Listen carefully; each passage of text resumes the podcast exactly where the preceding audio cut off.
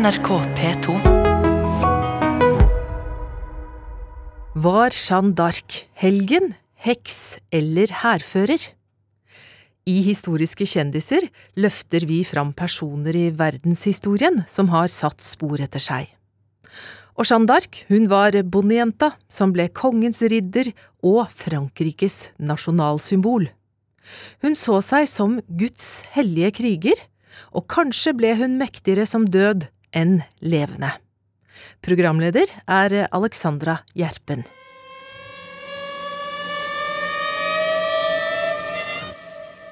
Mai 1430, Compiègne, Frankrike. Det er panikk i den franske hæren. Fienden prøver å avskjære retrettveien, og de franske soldatene flykter i all hast. Men én soldat rir bestemt mot motstanderne. Det er ei ung kvinne, bare ei jente iført rustning og et vakkert rødt våpenskjold. Hun rir på sin grå hest rett inn i hæren til fienden. Hennes egne menn prøver desperat å få henne til å snu. De rykker tak i tøylene henne, men det går ikke an å stoppe henne. Hun er nemlig sendt av Gud sjøl. Når hun nærmer seg fienden, altfor uredd til å vite sitt eget beste, bryter en bueskytter seg fram og får tak i den røde gullbroderte kappa hennes og river henne av hesten. Triumfen er total. Jeanne d'Arc, jomfrua av Orléans, den største trusselen mot den engelske hæren, er nå i hendene til fienden. Og de kommer ikke til å slippe taket på henne før hun er ødelagt. Fullstendig ødelagt. Dette er historien om Jeanne d'Arc, bondejenta som ble kongens ridder og Frankrikes nasjonalsymbol. Hun så seg sjøl som Guds hellige kriger, og livet hennes var prega av blod, ild og død.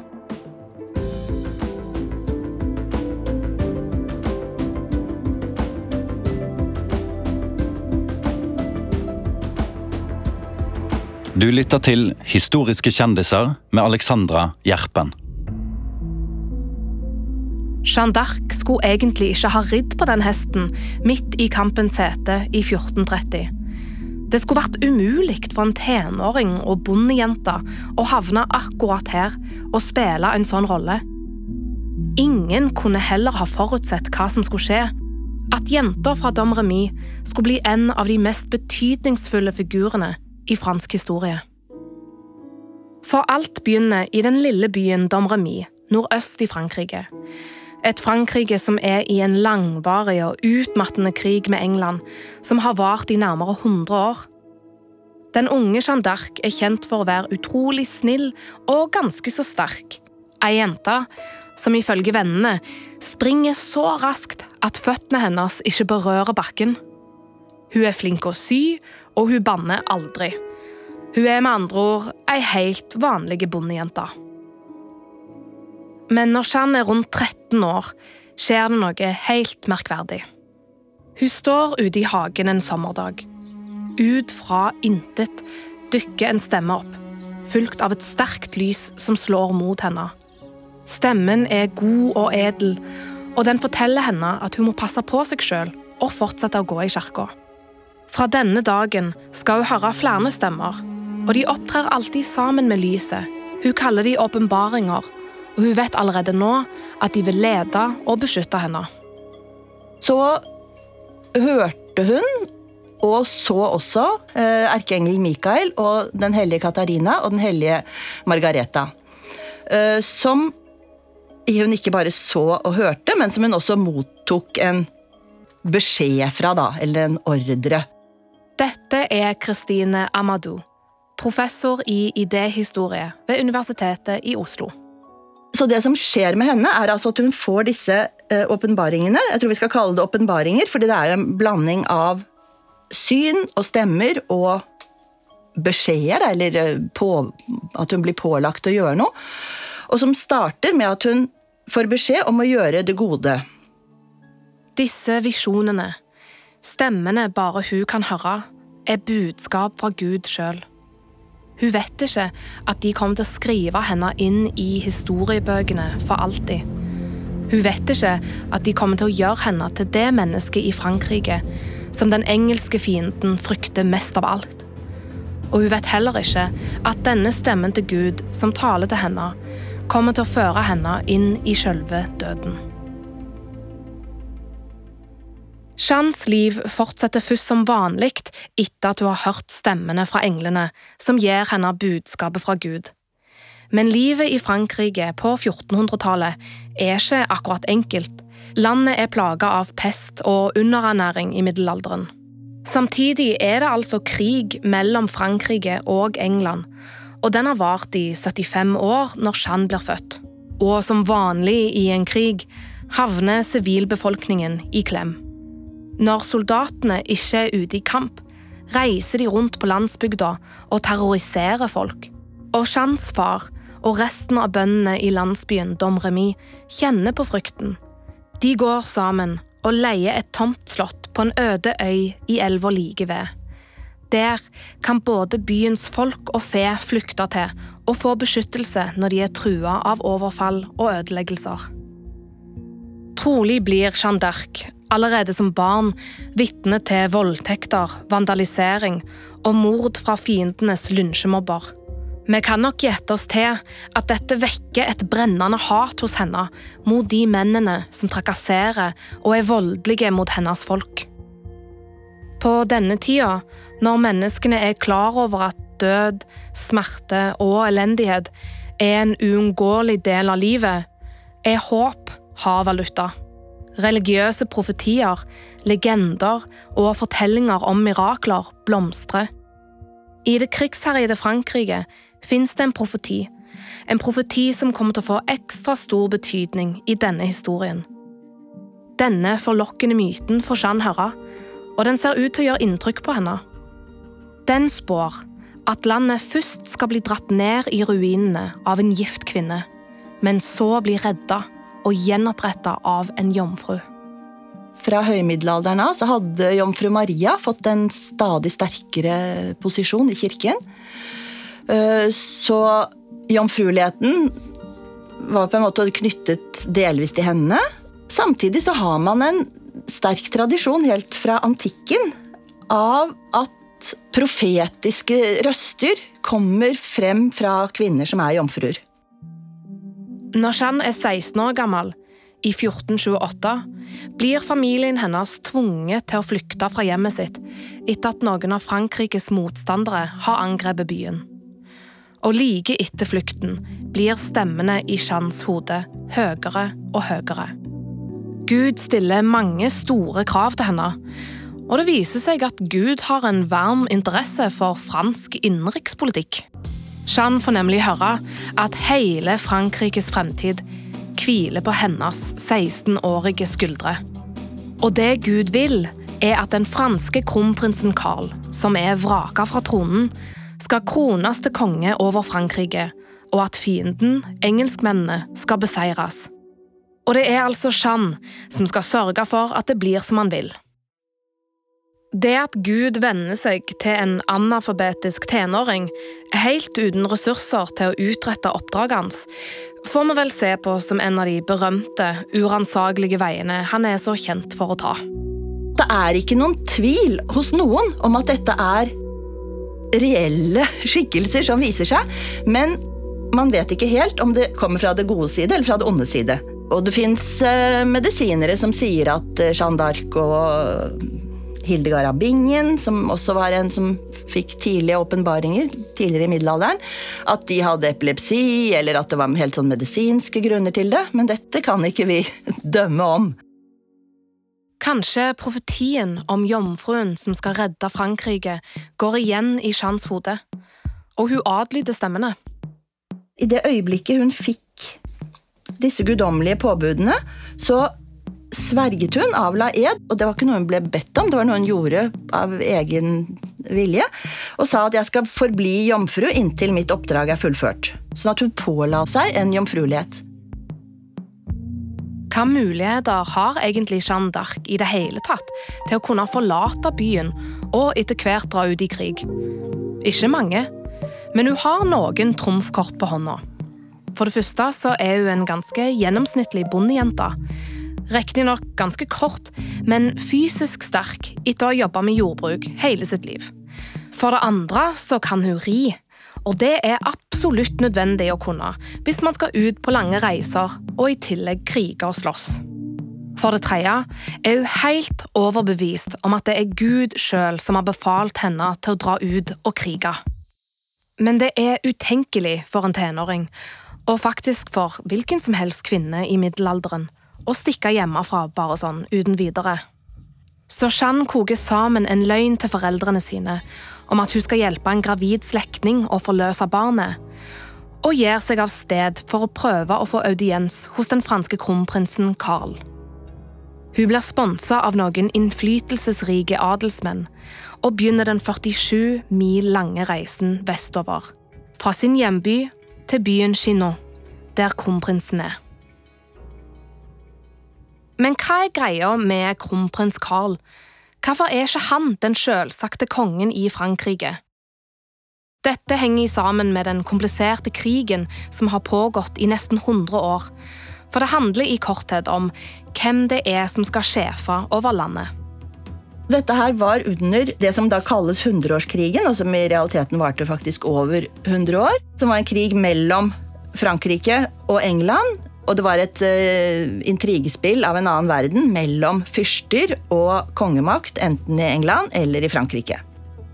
Frankrike i middelalderen er ikke det forente landet som det senere kommer til å bli. Men det er i stedet et føydalt samfunn, oppdelt i ulike len, med lensherrer som styrer i sine egne områder. På 1300-tallet starta en strid om den franske tronen. Både den franske og den engelske kongen anså seg sjøl som å være den rettmessige regenten over Frankrike. Og siden den tid har konflikten mellom de to landene ligget og ulma.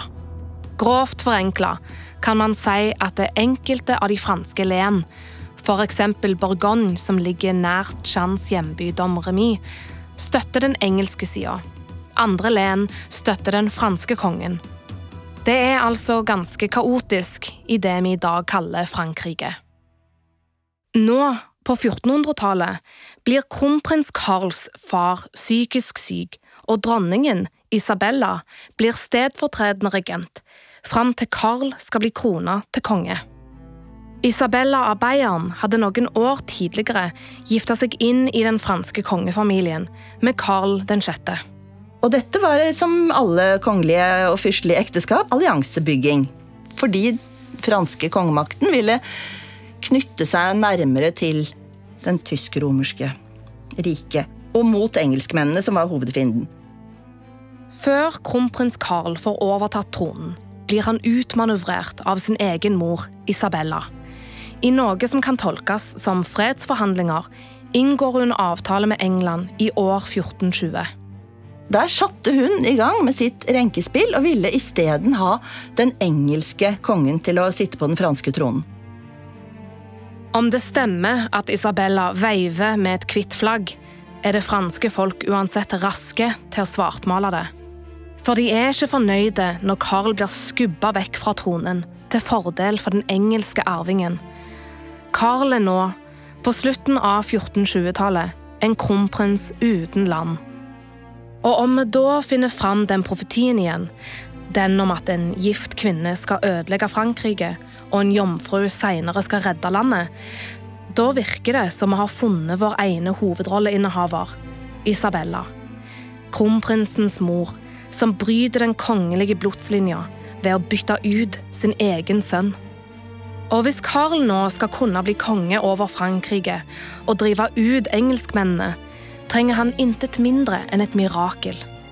Og det mirakelet, i form av en jomfru med et guddommelig oppdrag, kommer snart til å stå ved porten hans og banke på. Den store slottssalen er lyst opp av fakler. Minst 300 riddere, bevæpna med sverd, står langs veggene. Ryktet om Jeanne d'Arc har nådd fram før hun kommer, og hele hoffet koker av forventning. Hvem er denne merkelige bondejenta som har fått lov til å treffe kronprinsen? Kronprinsen sjøl står gjemt blant mennene sine. Om jenta nå har disse gudegitte evnene, kan hun vel lukte seg fram til hvem han er, eller? Jeanne går inn i salen. Det blir brått helt stille. Med de enkle klærne sine skiller hun seg ut blant de storslåtte ridderne med fargerike antrekk. Hun tar seg fram gjennom hoffet mens de nysgjerrige blikkene følger henne. Så stopper hun opp. Akkurat der kronprinsen står gjemt blant de andre. Hun retter blikket mot han. Jeg har kommet, og jeg er sendt av Gud for å hjelpe landet. Så bøyer hun seg fram og kviskrer noe i øret hans. Så forsvinner de opp ei trapp, bort fra det forbløffa hoffet.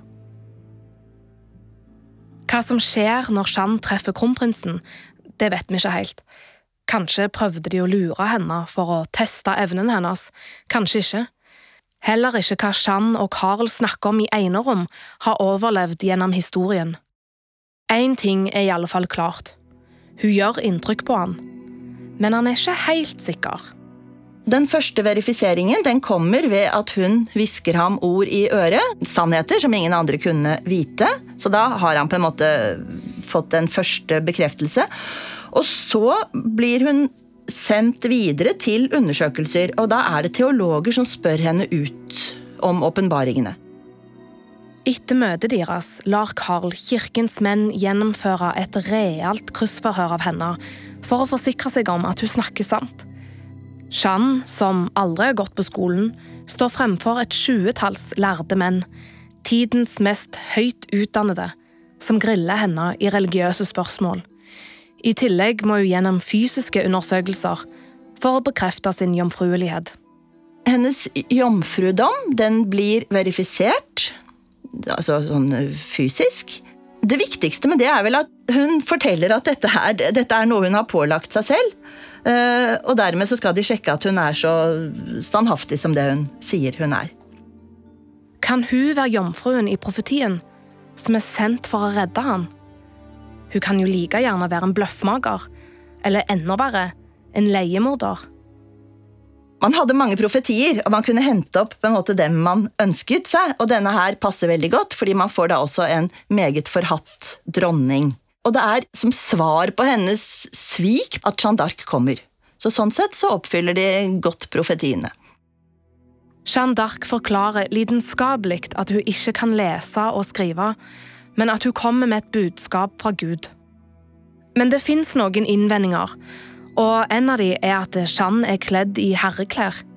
Det er et stort no-no for kvinner å kle seg som menn, men Jeannes stemmer har sagt til henne at hun må kle seg i bukser. Og de lærde mennene går med på at det nok er tillatt i dette tilfellet, for den guddommelige sak og for Frankrikes skyld. Etter utspørringen av Jeanne gjør kronprins Carl det usannsynlige. Han bestemmer seg for å satse på denne merkelige jenta og ordne en rustning, hester og en hær på noen tusen menn. Stridsutrustning, hester og riddere er ekstremt kostbart og blir bare gitt til svært betrodde adelsmenn, ikke til bondetøser helt uten navn og innflytelse. Kronprinsen gir altså Jeanne tillit til å prøve å ta tilbake den franske tronen for han. Og hun får i oppdrag å ri mot Orléans, som har vært beleira av engelskmenn i seks måneder. Orléans ligger ved Loire-elven og er i prinsippet porten til Sør-Frankrike. Stort sett alt nord for byen kontrolleres av engelskmennene.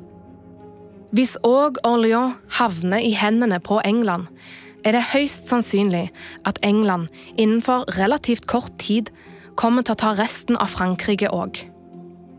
At hun skal til Orléans, har Jeanne visst lenge. Stemmene har selvsagt fortalt henne at hun må reise der og befri byen fra engelskmennene. Når hun får de første åpenbaringene om at hun skal ri av sted og befri Orléans, så sier hun da til erkeengelen Mikael at ja, men jeg kan ikke ri, jeg kan ikke krige. Eh, og får da svar tilbake at du skal gjøre Guds vilje. Nå har hun altså fått mandat av kronprins Carl. Jeanne har aldri sett ordentlige kamper før. Hun er ikke engang soldat, men hun tar allikevel på seg oppdraget. Hennes militære ferdigheter kommer helt uh, ut av intet. Uh, og krigshistorikere eller historikere har jo diskutert hvorvidt hun var en militær leder, eller om hun bare var en frontfigur som red foran med et eh, flagg i hånden. Men hvis vi skal tro den tradisjonelle historieskrivingen, så viste hun en, en militær intelligens. Og Jeanne viser ikke bare mot, men òg stor teft for PR. Hun forstår trolig sin egen symbolverdi og satser alt på å bygge en merkevare. Hun kaller seg La Pucelle, altså Jomfruen, et slags artistnavn. Og hun får sydd opp et banner, et våpenflagg, til seg sjøl. Det er et hvitt linflagg med franske liljer brodert på stoffet. På den ene sida troner Den hellige treenighet, og på den andre sida et asurblått skjold to engler og en hvit due med en pergamentrull i nebbet. På pergamentet står det 'I den himmelske kongens tjeneste'. Det skal ikke være noe tvil om hvem som er Shans sjef. Hun er en kriger i Guds hær. Historiske kjendiser i NRK P2.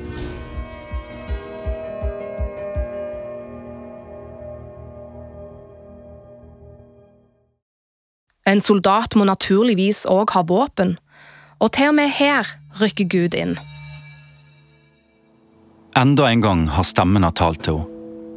Hun lukker øynene og forteller om det som ble sagt om sverdet. Hun beordrer mennene sine til å lete der Gud har bedt om å lete, bak et alter i en katedral. Det trengs flere menn for å grave seg ned i jorda under gulvet. Jean insisterer på at de ikke skal gi seg.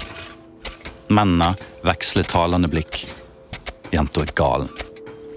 Så blir det slått hardt mot hardt. En spade treffer det rustne metallet. Jean hopper av begeistring, kaster seg ned på kne og tar vekk den siste jorda med hendene. Når hun løfter sverdet, ser det ut til å få tilbake sin tapte glans, og fram trer ornamenterte kors og liljer på det vakre håndtaket og bladet. Så nå har Jeanne fått våpen, rustning, hest og kampvilje nok til å lede en hel hær. Det viser ikke minst et brev hun skal ha skrevet til den engelske regenten i Frankrike. I brevet gir hun engelskmennene et tilbud om å trekke seg tilbake og forlate Frankrike. Ellers skal de få med henne å gjøre, truer hun. Hun skal jammen finne dem og sørge for at de blir slått i hjel. Og vise til ordren hennes fra høyere hold. Jeg er sendt her av Gud, den himmelske kongen, for å drive dere ut av Frankrike. Så våren 1429 rir den 17-årige Jeanne av sted mot sin første krigsinnsats, mot den beleirede byen Orléans. Jenta, som for fem måneder siden gjeta storfe på landsbygda, er nå medlem av Den kongelige hær, hæren til Karl den syvende. Det var en ganske ruskete hær etter hvert, med mange aristokratiske herrer som slåss om eh, lederskapet. Eh, og det var en hær som ikke hadde noen militær suksess, sånn at tiden var overmoden for å prøve noe annet. Og da kommer da denne rustningskledde unge jenta med religiøse visjoner. Hun kommer som en samlende kraft for hæren. Og hun ser ut som de òg. Hun kler seg som en soldat, i bukser og rustning, og klipper etter hvert av seg det lange håret sitt. Trolig både fordi det er praktisk, men òg fordi hun skal passe inn i guttegjengen. Selv om Jeanne er overbevist om at den franske hæren har Guds hånd over seg, er soldatene like voldsomme som andre knekter. De skyr ikke å drepe, og sikkert ikke å mishandle og voldta kvinner heller. Men Chans status blant de er merkverdig høy. Hun ser ikke ut til å bli utsatt for noen overgrep. I stedet har hun en stor åndelig påvirkning på sine menn. Hun er en samlende skikkelse, en lederskikkelse, men hun er også en streng eh, krigsherre. Så hun forbyr soldatene å banne og forbyr dem alle blasfemiske utsagn. Og hun fordriver eh, prostituerte som vanligvis eh, hang med i hærfølget. Hun jager dem bort. Kanskje er det ryktet om henne og profetien om jomfruen som gjør at de finner seg i kravene hennes. Eller så er det hennes karisma og storslagne personlighet som overbeviser dem. Noe er det i alle fall, for hun ser ut til å få det sånn som hun vil. Altså Hennes eh, visjonære budskap, det gjør jo at soldatene tenker at nå kjemper vi ikke bare for Frankrike, vi kjemper for Gud. Og det er ikke bare soldatene som kjenner hennes hellige nærvær. Det bryter ut full oppstandelse i Orléans når Jeanne om kvelden den 29. april år 1429 rir inn gjennom byportene i full rustning, veiende med sitt hvite banner. I Orléans har ryktet gått før henne, om jomfruen som er på vei, og den beleirede befolkningen er helt ville etter La Pucelle. De har samla seg tett i tett for å se henne innta byen, og mange holder lys i hendene. De jubler og applauderer og vil gjerne røre ved henne og hesten hun rir på. Befolkningen har holdt ut lenge nå, fengsla i sin egen by med en konstant trussel fra den engelske hæren. At jomfruen med budskapet fra Gud nå har kommet, er et løfte om at de snart skal bli fri. Men Jeanne forstår raskt at det tydeligvis ikke er hun som bestemmer i Orléans. Hun tror de er der for å angripe engelskmennene, men innser fort at det ikke er planen. For hennes kommandør og sjefen over byen, Denois, ser på Chans armé som en slags hjelpekonvoi som skal få inn mat, vin og våpen til den innestengte befolkningen. Jeanne, som mest sannsynlig føler seg lurt, blir rasende og skjeller ut Denois. Hun truer med å hogge av han hodet om han noen gang skulle prøve seg på noe sånt igjen. Denois ser ut til å ta Jeannes trusler helt med ro. De to kommer til å bli et godt team i krigen, men enn så lenge er hun ikke overbevist om at han er helt til å stole på. I Orléans så skjer det som kanskje ikke er så overraskende, nemlig at øh, fyrstene, som jo også er med i hæren, at de forsøker å skyve Jeanne d'Arc til side og, drive sitt eget uh, militære taktikkeri. Og de vil vente med ytterligere angrep på engelskmennene til de har fått forsterkninger fra kongen. Uh, og dette rådslår de om bak ryggen hennes, uh, og så dukker hun plutselig opp, da. Og sier 'dere har rådslått, men det har jeg også', og Guds råd vil bli oppfylt, og deres vil forgå. Jeanne er altså satt til side i stridighetene som pågår. Men plutselig en dag oppstår det skrik og spetakkel utenfor der hun bor. Befolkningen roper at fienden i dette øyeblikk gjør store fremskritt mot franskmennene. Jeanne får på seg rustningen i en fei, tar med seg banneret idet hun springer ut, hopper på hesten og setter av sted til byporten, så gnistene fyker av hestehovene. Hun griper inn i kampen med en rasende kraft. Det ser ut til å gi en så stor moralboost for de franske soldatene at de vinner over motstanderne.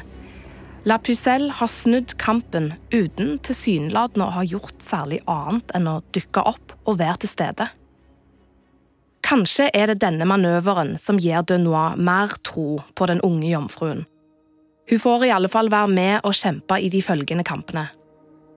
Så, ei drøy uke etter inntoget i Orléans Lørdag den 7. mai skjer den virkelig store og avgjørende kampen om byen. Nå skal Shan få vise om hun virkelig har Gud på si side.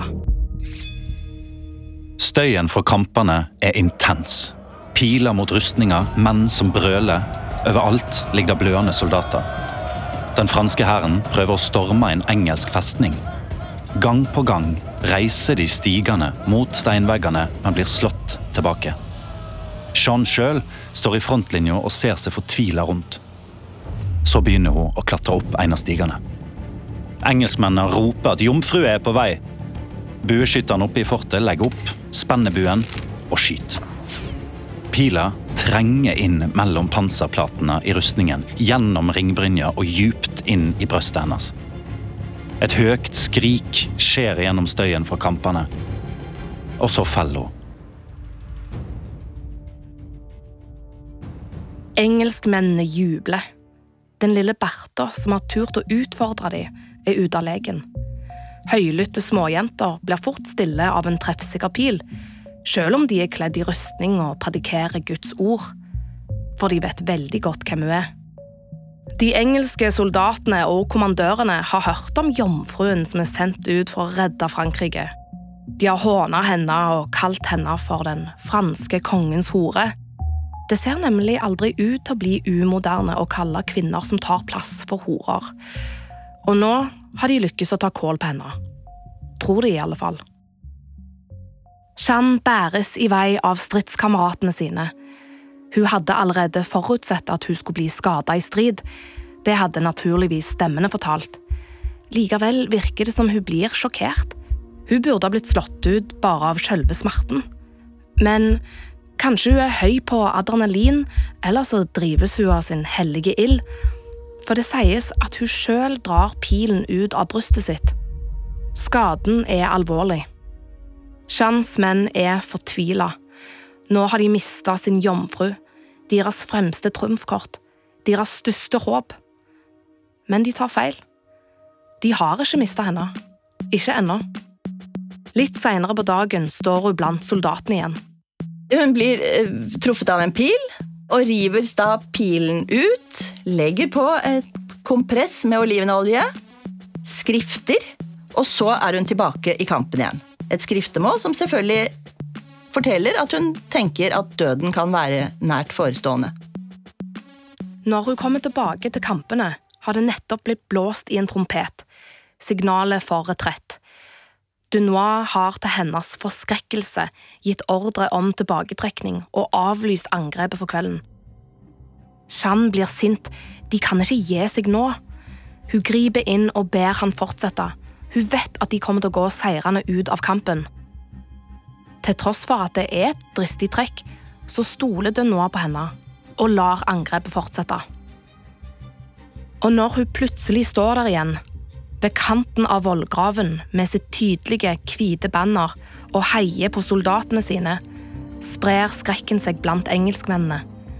Hvordan kan hun stå der og stirre på dem? De så jo at hun ble truffet av en pil i brystet og falt ned fra stigen. Det blir fortalt at engelskmennene begynner å skjelve og flykte i panikk bare ved syn av henne. Den nedskutte og gjenoppståtte Jeanne d'Arc gir de franske soldatene sine nytt mot. Engelskmennene er slitne, og de blir skremt av henne. Fremstår som en eh, demonisk skikkelse for dem. De kan ikke skjønne hva dette er for en, eh, for en krigertype. Og det er klart at denne typen dødsforakt og kampglød, den motiverer soldatene som hun har med seg. Og bidrar til en sterk ø, eh, fransk hær. Som da på få dager fordrevet engelskmennene fra det strategisk viktige stedet Orléans. Engelskmennene trekker seg tilbake uten at det blir et stort slag om byen Orléans. Om det er fordi den franske hæren er for sterk, eller om det er frykten for den livsfarlige jomfruen, vet vi ikke. Men Frankrikes ulykke har snudd til triumf, og den meget viktige byen ved Loire-elva er tatt tilbake. For Frankrike er dette det første store framskrittet i krigen på evigheter.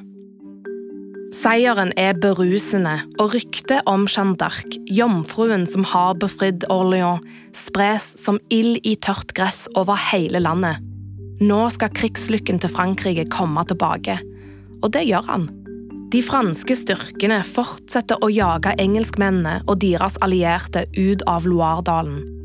Og i juli år 1429 er det tid for det stemmene i Jeannes hode har gitt henne som sitt fremste oppdrag å sørge for at kronprinsen Carl krones til kong Carl 7. av Frankrike.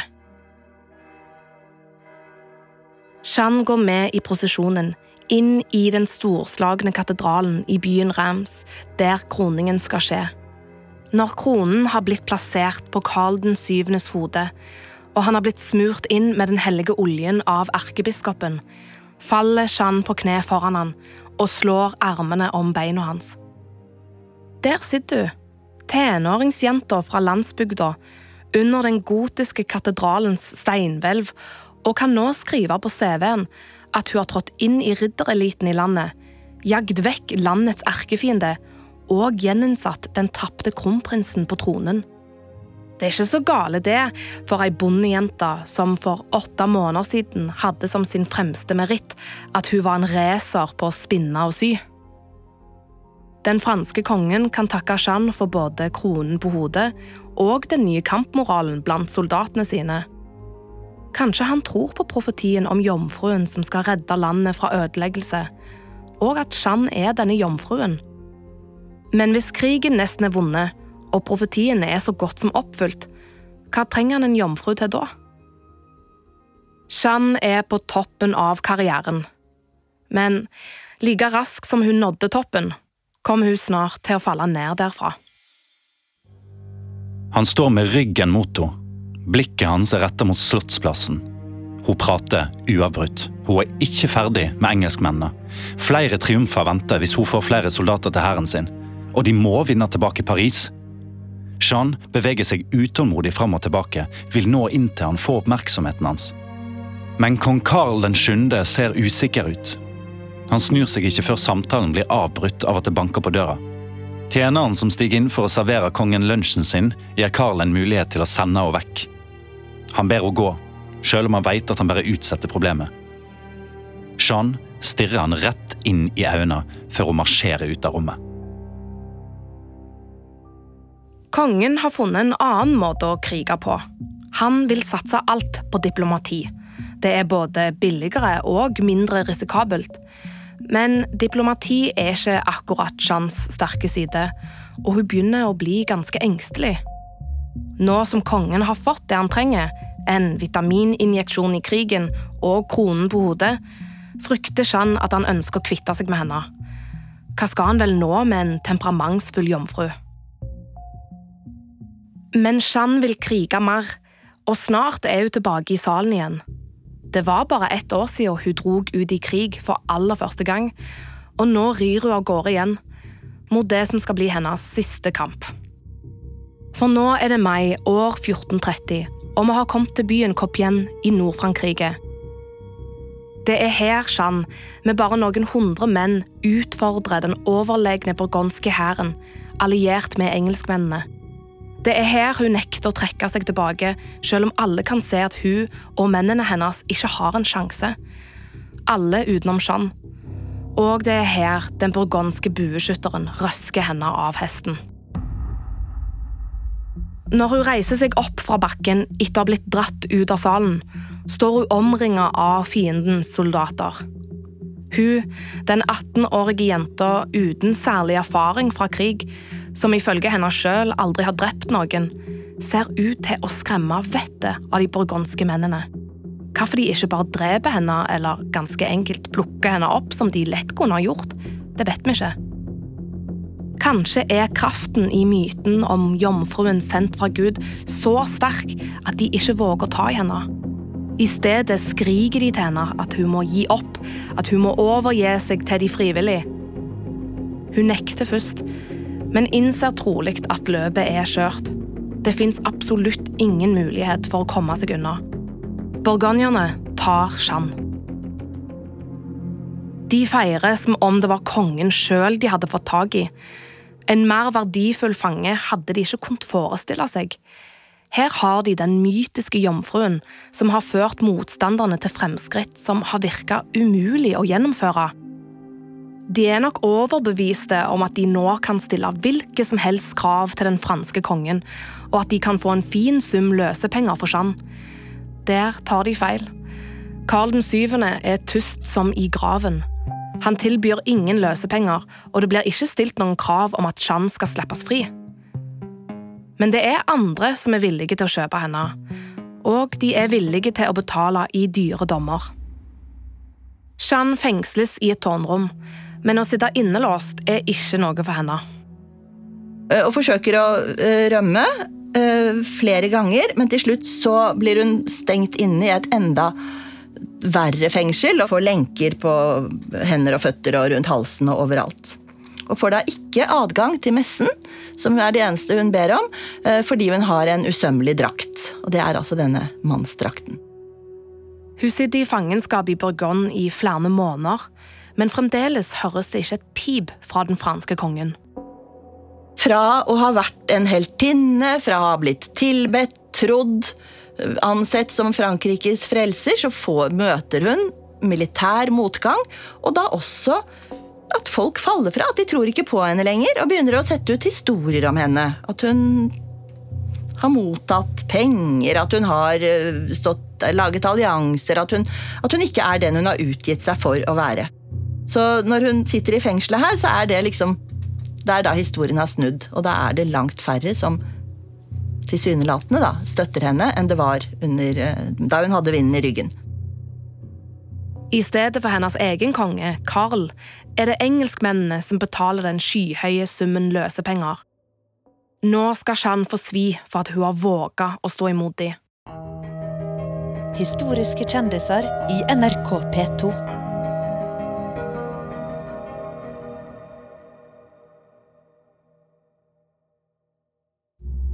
I desember år 1430 overlates hun til engelskmennene, som i sin tur overlater henne til den kirkelige inkvisisjonen.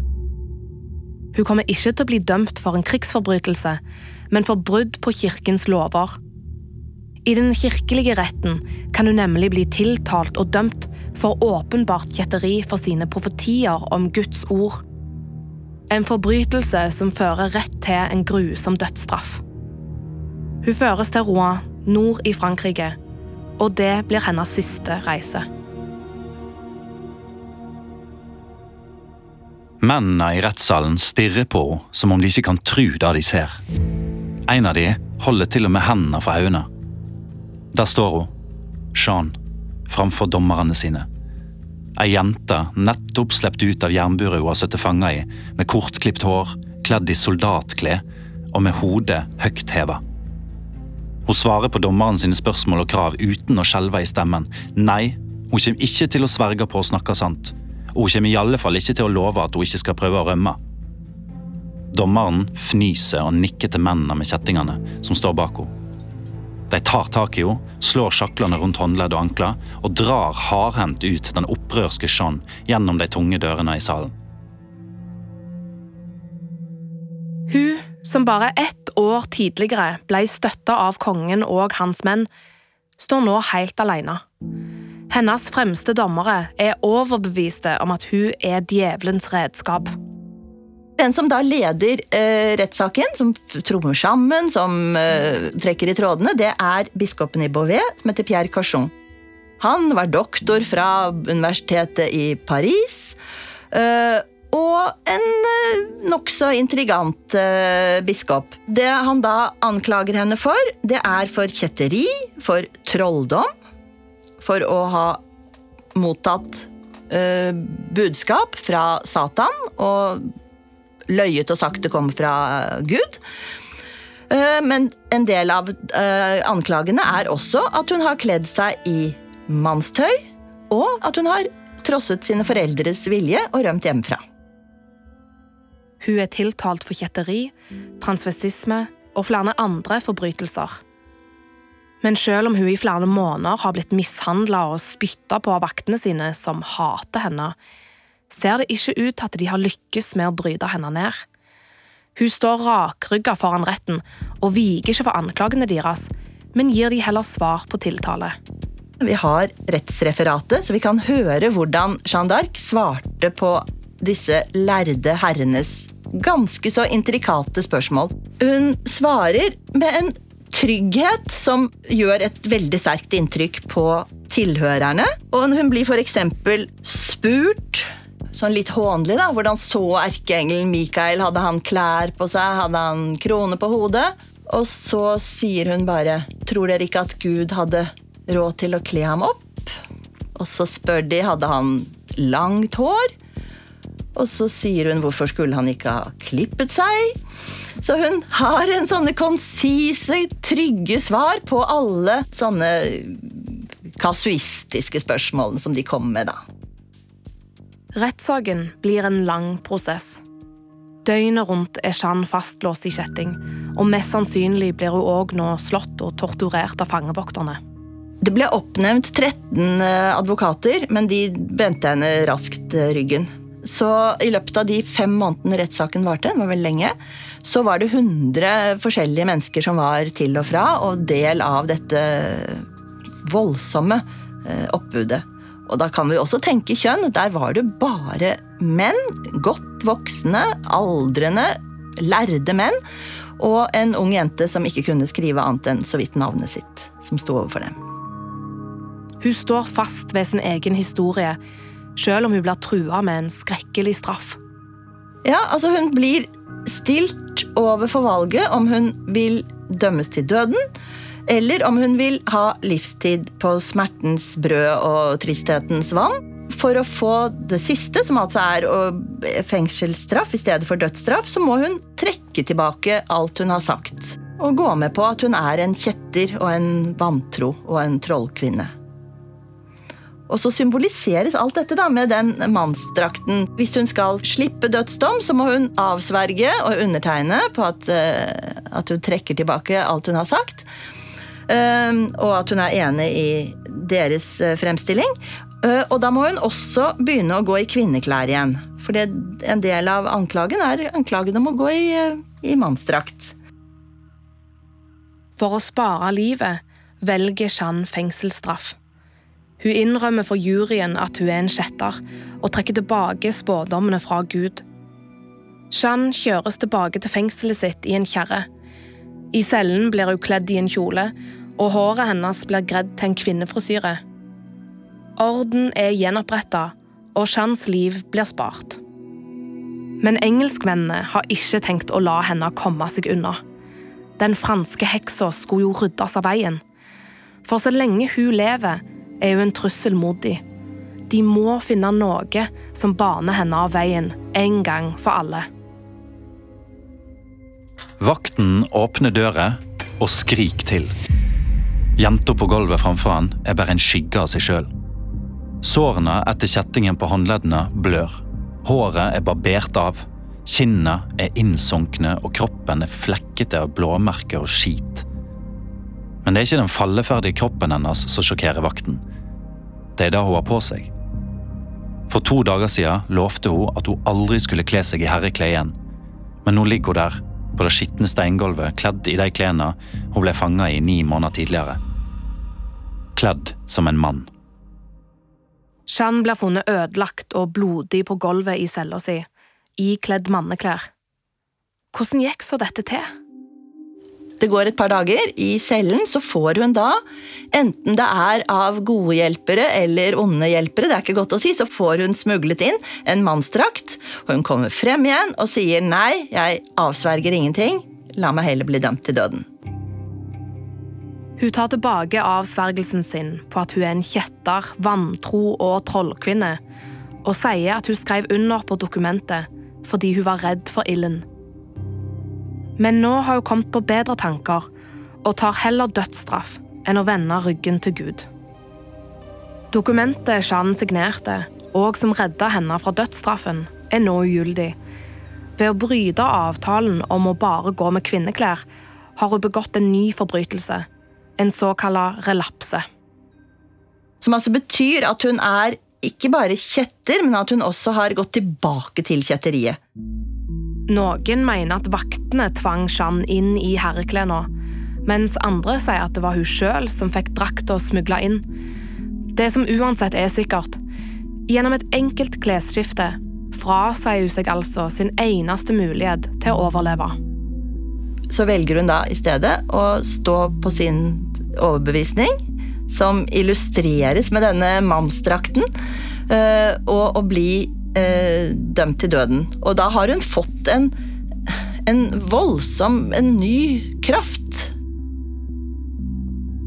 Engelskmennene får vilja si. Jeanne dømmes til døden ved å bli brent levende. Og bare noen dager seinere forberedes det store bålet på torget i Roa. 30. mai 1431. Bålet på torget står klart. Folket har samla seg. Alle vil se den franske jomfrua brenne. Hun ber om å få et kors. En engelsk soldat gir henne et lite kors av to spinkle pinner. Hun tar imot og stapper det raskt inn under lintøyet sitt. Så blir hun bundet fast. Blikket flakker. En prest går inn i kirka og henter et krusifiks som blir holdt framfor henne. Hun retter øynene mot krusifikset, og bålet blir tent. Jean roper Jesus sitt navn gang på gang når flammene omringer kroppen hennes. Så blir det stille.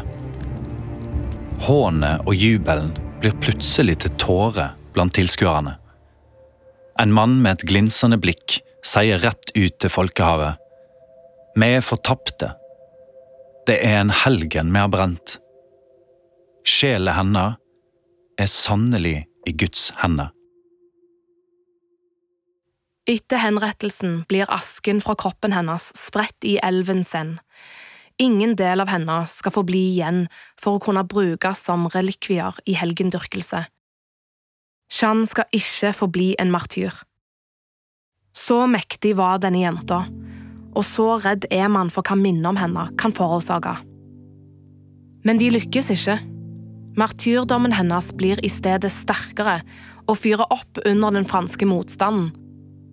Kanskje Jeanne faktisk er mektigere som død enn levende. Selv engelskmennene utbrøt 'nå har vi drept en helgen', og for tilskuerne så var synet av denne unge jenta, som var så sterk i troen, så sterk i sin overbevisning, og som sto helt alene på bålet og møtte døden, det gjorde et voldsomt inntrykk og førte til at innstillingen veldig raskt etterpå snudde, og man begynte å revurdere rettssaken og dommen og ville ha den reversert. Og Karl den syvende ser ut til å angre på sviget sitt, for han gir henne oppreisning. Etter sin død blir hun renvaska for alle forbrytelser hun er dømt for. Siden den tid har hennes liv og død gitt gjenklang gjennom den europeiske historien, og hun har vært og er et nasjonalt symbol for Frankrike. År 1920 blir hun kanonisert, altså erklært helgen, av den katolske kirka. Samme kirka som en gang dømte henne til døden. Historiske kjendiser er laga av og med Alexandra Gjerpen, Preben Hodneland, Marte Rommetveit, Linn Helene Løken, Cecilia Dyringer og Tove Palen. Lydlegging Elias Klenell. Men hvordan ble det da med den profetien om jomfruen som skulle redde Frankrike? Ja, den blir jo ikke innfridd. Når Jeanne dør i mai 1431, er det fremdeles 20 år igjen av hundreårskrigen. Men hennes injeksjon av håp til den franske hæren er muligens det som gjør at de til slutt vinner krigen og gjenerobrer nesten hele landet. Uten Jeanne d'Arc hadde europakartet vårt kanskje sett helt annerledes ut i dag. Og hvis det er noe vi kan lære av Jeannes historie, så er det at urokkelig tro, kombinert med en ufattelig god timing, kan overvinne nærmest alt.